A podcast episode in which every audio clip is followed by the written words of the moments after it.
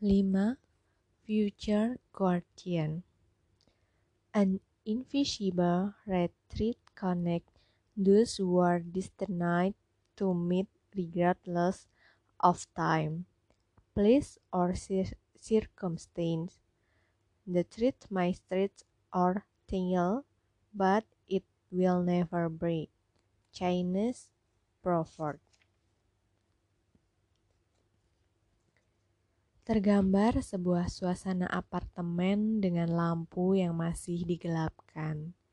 Seorang gadis yang memakai gaun warna coklat agak keemasan dengan rambut ikal panjang yang ia biarkan tergerai, terlihat tidur di meja kerjanya dengan tangannya sebagai alas kepala. Di meja dan sekeliling tembok ruangan yang tampak seperti kamar merangkap ruang kerja itu, banyak terdapat sketsa-sketsa rancangan gaun, baju, dan produk fashion lain semacam tas, sepatu, dan aksesoris. Tertera sebuah nama Han Tianxi di ujung bawah sketsa gambar itu beserta guratan tanda tangannya. Gadis itu sudah pulas dalam tidurnya bahkan sebelum sempat menghapus make upnya. Sebuah sayap berwarna senada dengan gaunnya masih terpasang di punggungnya. Mahkota kecil pun masih ada di rambutnya yang ikal panjang. Seorang pria berbaju putih-putih yang sedang berdiri di belakang kursi gadis itu tersenyum melihat foto polaroid dirinya dan gadis itu yang banyak terpampang dalam frame di meja kerja gadis yang masih damai dalam tidurnya itu. Mengingatkan betapa akrabnya ia dengan gadis itu dulu. Betapa banyak waktu yang sudah ia habiskan berdua dengan gadis itu. Kemudian, pandangannya berakhir pada foto dirinya dan gadis itu serta seorang pria yang ia kenal dekat sebelumnya. Kenangan itu seketika menghentikan senyumnya. Ia lalu mengurungkan niatnya untuk membelai lembut rambut hitam gadis yang sedang tertidur di hadapannya. Antara takut membangunkannya atau memang tak sanggup untuk melakukannya. Sejong Jonsa. Sesaat, ia mengembangkan sebuah sayap putih yang cukup besar dari balik punggungnya. Ia pun berbalik dan mendekat ke arah jendela geser yang ada di depannya. Dengan sebuah gerakan pasti, tirai besar berwarna putih dan jendela itu otomatis bergeser sendiri mengikuti perintah melalui gerakan tangannya, semacam kekuatan telekinetik. Dorongan angin malam yang dingin menyeruak cukup besar masuk ke dalam kamar gadis itu. Untuk aja sih, tenang cima, cewa. Beberapa kristal bening air mata gadis itu jatuh dari kedua sudut matanya yang masih terpejam. Membasahi lengan kanannya yang ia gunakan sebagai bantalan kepalanya. Gadis itu masih terus mengigau sambil terisak dalam. Pria bersayap itu lalu menolehkan kepalanya. Jari jemari tangan kiri gadis yang bernama Hanchonsa itu perlahan bergerak. Satu jarinya sudah tersemat sebuah cincin bersayap tepat di jari manisnya. Mata indahnya lalu terbuka. Gadis itu lalu bangkit dan membetulkan posisi duduknya jadi lebih tegap dan langsung kaget begitu mengetahui tempat di mana ia sekarang berada.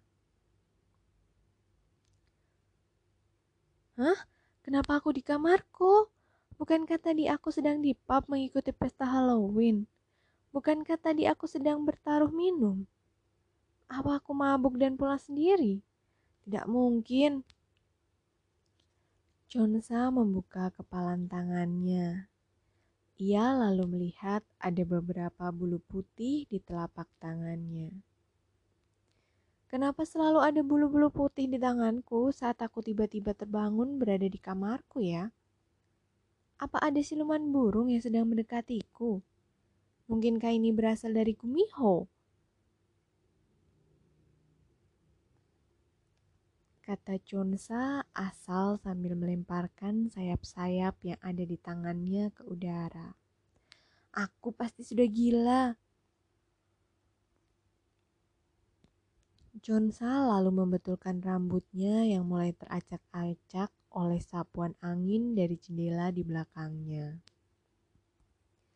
Angin juga menusuk kulitnya yang terbuka akibat ia hanya membalut tubuhnya dengan mini dress. Letuk sih, kenapa aku memimpikannya lagi? Setahun sudah berlalu begitu berat. Ah, dan angin ini kenapa begitu dingin sih? Chunsa lalu melepaskan sepatu high heels dari kain beludru hitam yang beraksen Mary Jane dari kedua kakinya dan meletakkannya di kolong meja kerjanya. Satu persatu, kakinya menapak pada karpet putih yang tergelar di lantai kayu apartemennya. Dengan sedikit terhuyung, Chonsa pun mendekati jendela, lalu menggeser jendela itu ke dalam posisi menutup. Ketika hendak menarik tirainya, ia begitu terkejut hingga memulihkan kesadarannya secara penuh. Ada serentetan bulu-bulu putih yang menyembul di tirainya, tampak menyerupai sayap. Ia melirik ke arah kalung kristal yang ia kenakan. Sebuah kalung kristal yang sudah ia masukkan bulu yang ia genggam saat di rumah sakit di Korea dulu. Bulu yang serupa dengan bulu-bulu yang selama ini selalu ada di genggamannya setahun ini. Bulu yang serupa dengan bulu-bulu yang selama ini selalu ada di genggamannya setahun ini. Apa benar ada siluman burung? Oh mana, sayapnya besar sekali. Bagaimana dengan badannya? Sejenak, Chonsa bergumam dalam hati. Tubuhnya semakin merinding, pikirannya bermain-main, dan mulai mereka-reka apa wujud makhluk di balik tirai itu. Saya Chonsa lalu dengan was-was memberanikan diri menyibak tirai itu. Beberapa detik kemudian, matanya melotot sempurna melihat makhluk tampan yang sedang memejamkan matanya dengan bahu sedikit meringkuk, yang sesaat kemudian membuka matanya perlahan dan terlihat sangat bercahaya dengan senyumannya. Ke, kau siapa? Hantu letuk sih? Junsa sangat kaget begitu melihat pemandangan yang ada di depan matanya. Sekarang, nafasnya benar-benar tercekat.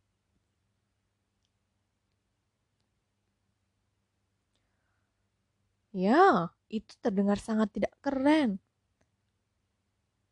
Aku melihat letuk.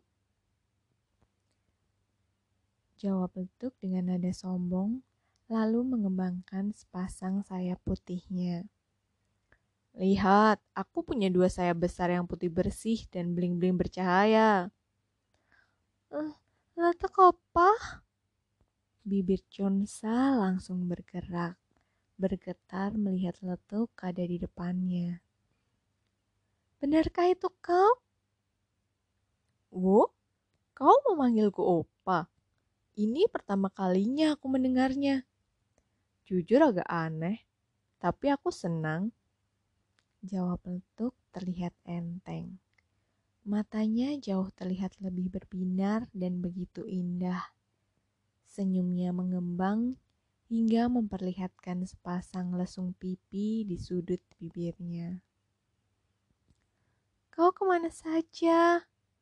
Aku merindukanmu. Mendadak, Chonsa mulai kehilangan kekuatannya hingga ia menangis dan langsung tersujud di lantai. Tangannya menghalangi suara isakan dari bibirnya. Malaikat letuk kemudian tercenung. Aku selalu bersamamu, bahkan aku yang membawamu terbang tadi. Waktu tadi kau sadar, kenapa kau menjambak sayapku? Sayapku selalu rontok kalau aku menggendongmu terbang. Kau mencengkeramnya terlalu keras, Kau itu gadis barbar, Chunsa. Setahun ini kau selalu membuatku kesakitan, tapi kerjamu hanya bisa mabuk-mabukan dan pingsan di sembarang tempat. Oh, opa. Panggil Chonsa dengan lirih, masih sedikit canggung. Jangan bercanda lagi, aku serius.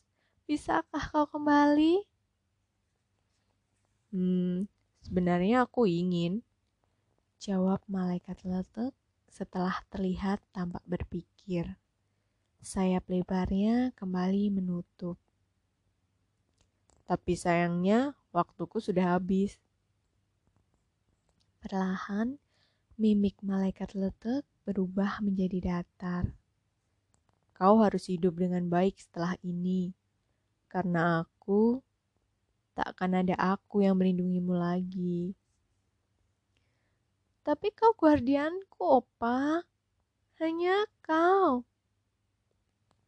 Ada yang sedang menunggumu. Sekarang, guardian barumu sedang mencari jalan ke tempatmu. Sudah sangat dekat. Tugasku sudah selesai, Cun saya. Dan ngomong-ngomong, kau sangat cantik. Tapi sebaiknya jangan berkeliaran dengan kostum seperti itu, karena malaikat lain sepertiku bisa saja terkecoh, mengira kau benar-benar bidadari. Ah, aku terlalu banyak bicara. Dengus malaikat letuk sambil memegangi tengkuknya tampak salah tingkah. Selamat tinggal. Malaikat letuk lalu menghentakkan tangannya hingga jendela kamar Chonsa yang seolah menuruti perintahnya tergeser mau terbuka. Ia lalu mulai berbalik, berjalan keluar memungi Chonsa, sebelum akhirnya melompat dari balkon kamar apartemen Chonsa untuk terbang dengan sayap indahnya itu. Untuk opa, kembalilah. Chunsa berteriak keras sambil terisak, mengiba agar letuk kembali lagi padanya. Namun nihil, percuma saja. Ia segera bangkit dan tergesa-gesa berlari keluar lewat pintu depan apartemennya. Sambil terus membungkam bibirnya yang masih menahan isak, Chonsa terus berlari secepat yang ia bisa untuk mengejar letuk yang sedang terbang mengabaikannya. Chonsa tak peduli dan melemparkan mahkota kecil dari rambutnya, lalu replika sayap yang ada di punggungnya dengan serampangan ke trotoar yang penuh dengan orang-orang. Ia berlari tanpa memakai alas kaki, hingga mata semua pejalan kaki tertuju padanya. Saat melewati etalase toko TV, langkahnya terhenti karena ia mendengar nama Chris yang disebut dengan cukup keras di salah satu TV swasta. Meskipun bermain membela tim Korea Selatan tahun kemarin, berita kunjungan Wu Yang Feng atau yang dikenal sebagai Chris Wu ke Taiwan membuat semua publik menyambutnya dengan begitu gembira dan antusias atas kembalinya ia bermain di Liga Basket setelah kecelakaan parah yang hampir merenggut nyawanya setahun silam. Kecelakaan yang dulu juga mengakibatkan tewasnya pelatih berbakat kebanggaan tim basket nasional Korea Selatan, Han Letuk yang membawa timnas Korea dianugerahi kemenangan dalam Liga Basket Asia selama empat tahun berturut-turut. Semua penggemar Chris di Taiwan tentunya menanti-nanti akan datangnya hari ini. Chris kini sudah pulih dan mulai besok ia akan dijadwalkan bermain dalam pertandingan persahabatan antara tim basket Korea yang ia bela melawan tim basket Taiwan. Sejenak, Chonsa terdiam mendengar suara penyiar berita tersebut tanpa menoleh ke arah jajaran televisi. Sesaat kemudian, ia kembali melanjutkan larinya. Namun kini semakin kencang untuk mengejar ketinggalannya dengan letuk yang terbang rendah dengan sangat cepat. Jalanan di Miramar Entertainment Park sedang sangat ramai, dipenuhi pengunjung yang kebanyakan datang berpasangan. Tapi, Jonsa berlari sangat lihai di antara celah-celah lautan manusia yang sedang memenuhi salah satu pusat perbelanjaan yang sangat terkenal di Taipei, Taiwan. Ia tak peduli walau nafasnya sekarang sudah hampir mau putus. Matanya selalu berusaha mengekori arah terbang letek, walau pandangannya mengabur karena berlari sambil matanya tak henti-henti mengeluarkan air mata. Ia terus menyeka air matanya, walau sesekali menyenggol atau tersenggol oleh pejalan kaki lain.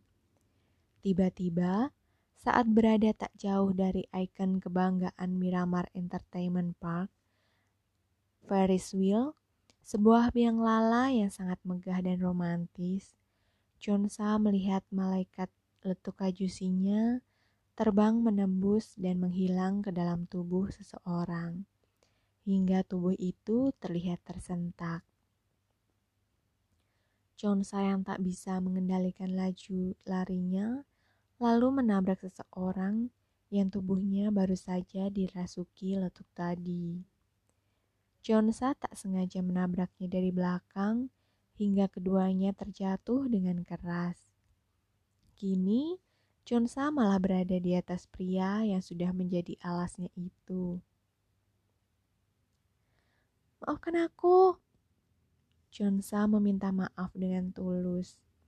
Ia merasa tidak enak hati pada pria yang menahan bebannya saat terjatuh. Sementara itu, pria itu masih saja terbatuk-batuk. Aku berat ya, sebentar lagi aku akan bangun.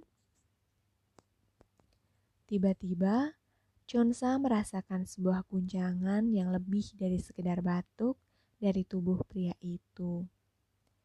Pria yang tubuhnya jauh lebih besar dari Chonsa itu tiba-tiba saja menarik tangannya, mengeratkan tangannya untuk memeluk Chonsa, menahan gadis itu untuk bangkit.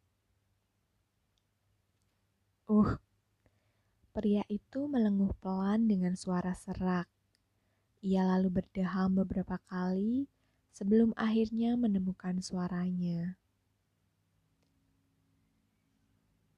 Mau ke mana lagi?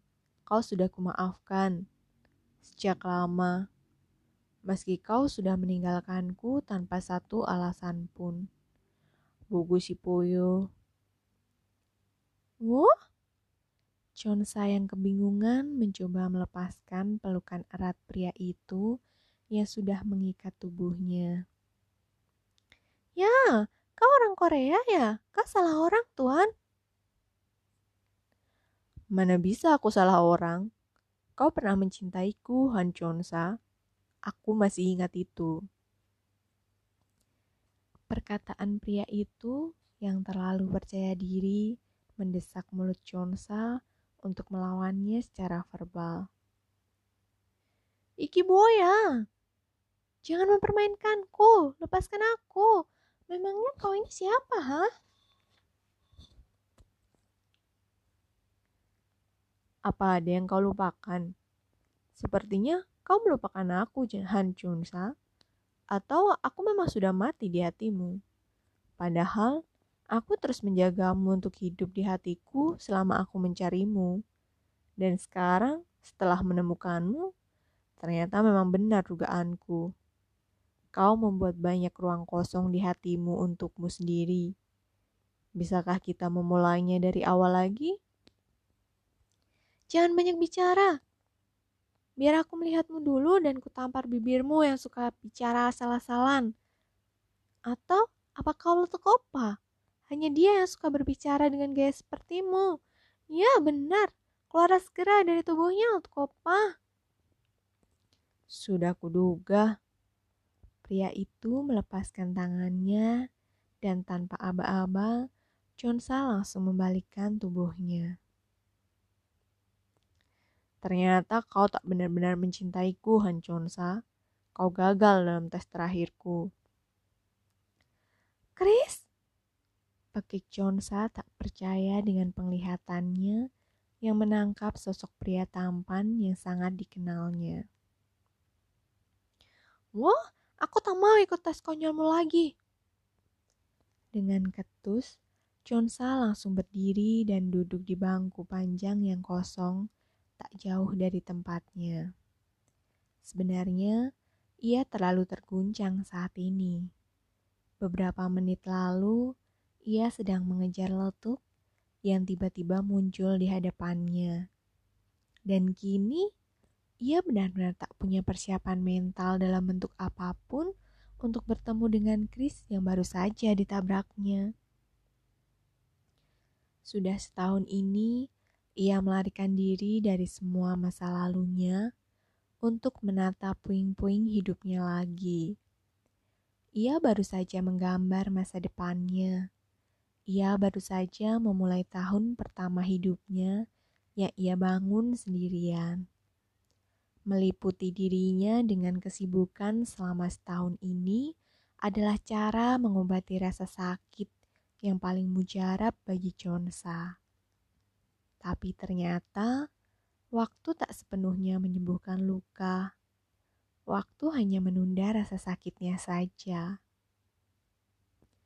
Hati Chonsa bergemuruh seperti sedang bermaraton sekarang.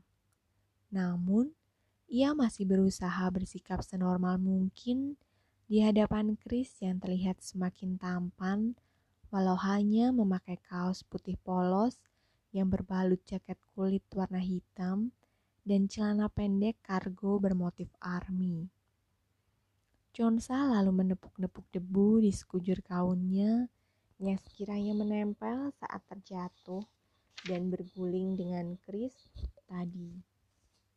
Ia berusaha untuk sebisa mungkin tak menatap mata dan wajah Chris. Sudah cukup kau mengubahku menjadi pebasket dadakan dengan kaleng-kaleng itu, Chris. Aku tak mau terlihat bodoh lagi. Ceh. Chris tersenyum. Kini kau menyanyiakanku, mencampakkanku. Baiklah, gelar Nyonya Wu Yan Fang yang selama ini ingin kuberikan padamu, hal yang sangat kutunggu-tunggu sampai aku belajar lama, aku sudah mempersiapkannya Ternyata disambut dengan seperti ini. Aku kecewa. Padahal aku sudah berseteru dengan Letuk Yung sampai sebelum saat terakhirnya. Chris lalu berdiri di hadapan Jonsa sambil terus menatap gadis yang masih saja sibuk menepuk-nepuk mini dressnya yang tak kelihatan kotor sama sekali. Jonsa hanya diam Terlihat sekali ia berpura-pura tak menaruh perhatian pada perkataan Chris.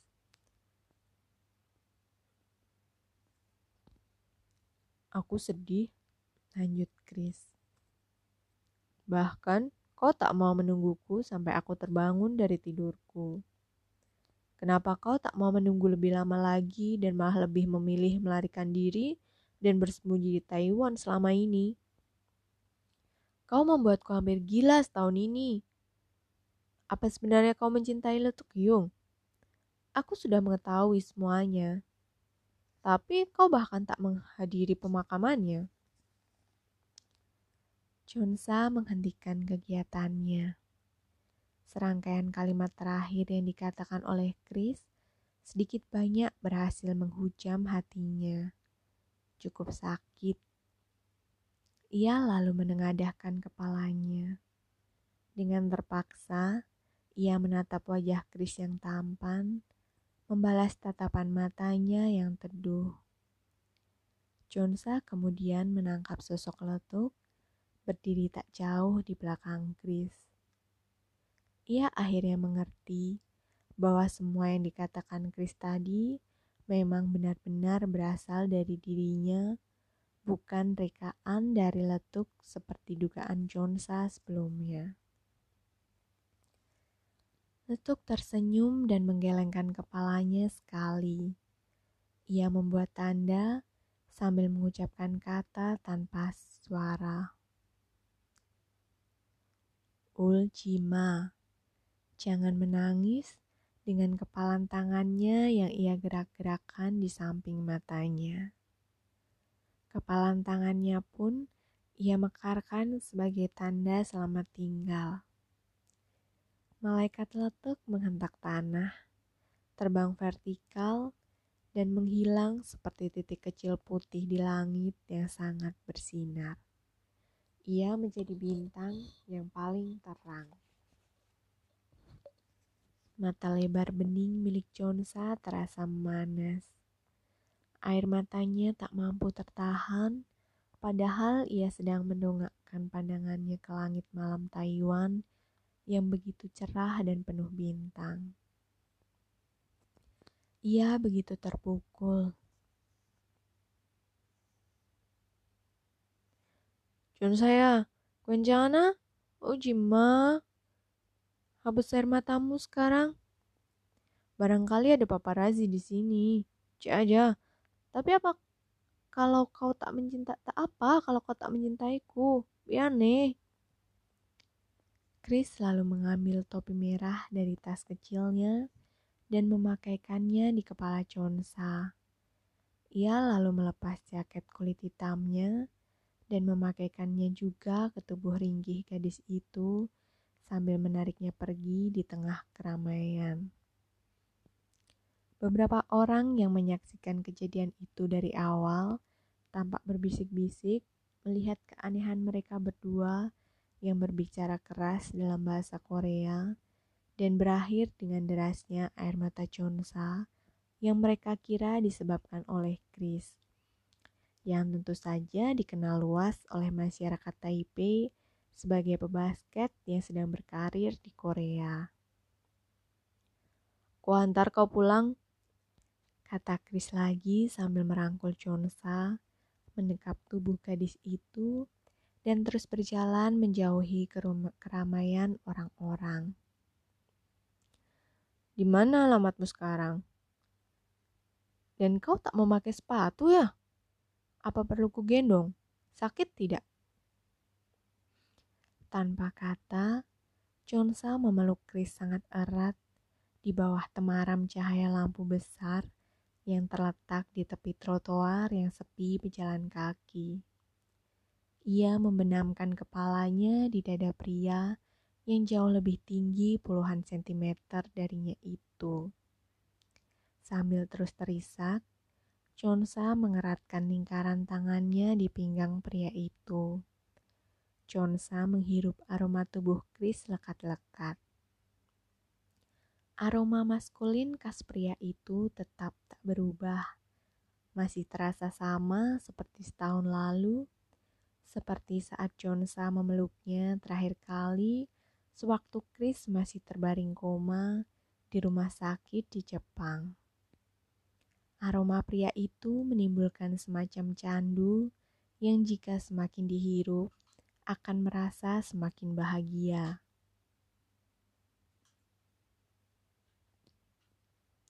Sudah lama aku tak merasa setenang ini, Chris. Nado, Junsa, nado. Selama ini aku terus mencarimu. Aku baru tahu tadi pagi kalau kau mengubah namamu menjadi Han Tianxi. Ya, walaupun tak ada bedanya antara nama Koreamu dengan nama Cinamu. Tapi aku hampir terkecoh saat melihat profilmu sebagai desainer fashion di acara televisi. Kau begitu licik sudah bersembunyi dariku setahun ini. Aku seorang idiot yang hanya melihat dirimu. Nusarangyu.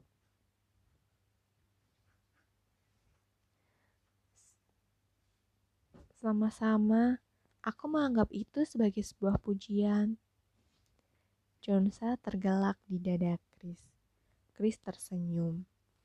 Ia membelai rambut Jonsa dengan sangat, sangat lembut, lalu melingkarkan tangannya di bahu gadis itu yang kini sudah berhenti mengeluarkan air mata, membiarkan seluruh dunia ada di pelukannya saat ini.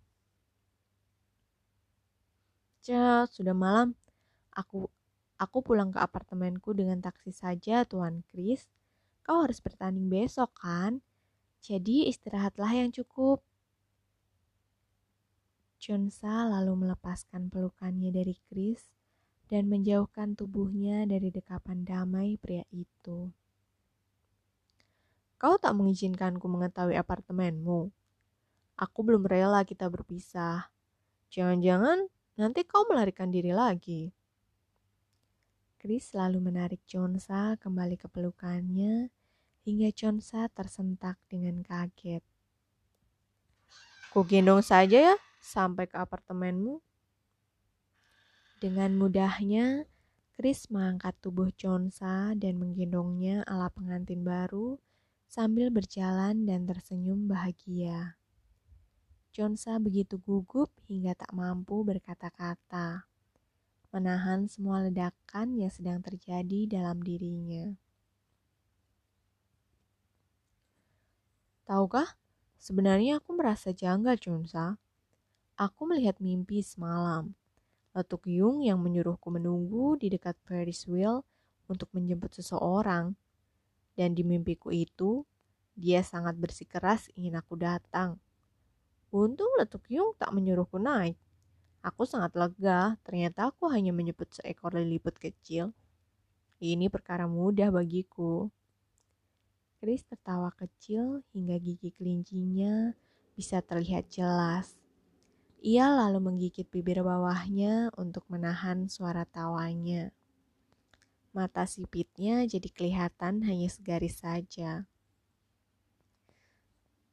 Seekor liliput? Ya. Nah, raksasa turunkan aku. Sirio. Aku tak mau.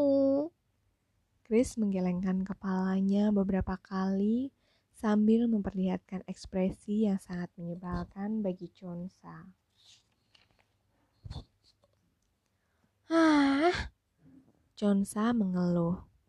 Haruskah aku berteriak? Berteriaklah, berteriaklah pada seluruh dunia. Tantang Chris. Maka aku dengan senang hati akan membungkammu sampai pagi dengan bibirku. Kalau kau berbuat lebih dari berteriak pun, kau akan mendapatkan lebih dari bungkaman itu dariku, Han Chonsa. Tawaran yang menarik, kan? Hai, orang genit. Pilihan yang sulit. Chonsa memandang ngeri ke wajah Chris yang sedang tersenyum tersipu sambil pandangannya tetap lurus ke arah depan. Ia tak punya pilihan lain selain ikut tertawa bersama Chris. Ia mencoba menerima apa yang dikatakan letuk tadi. Ia akan mencoba menerima kehadiran malaikat baru yang akan melindunginya, Chris. Chonsa melihat satu titik kecil yang paling bersinar di angkasa yang mungkin adalah penjelmaan lain dari letuknya.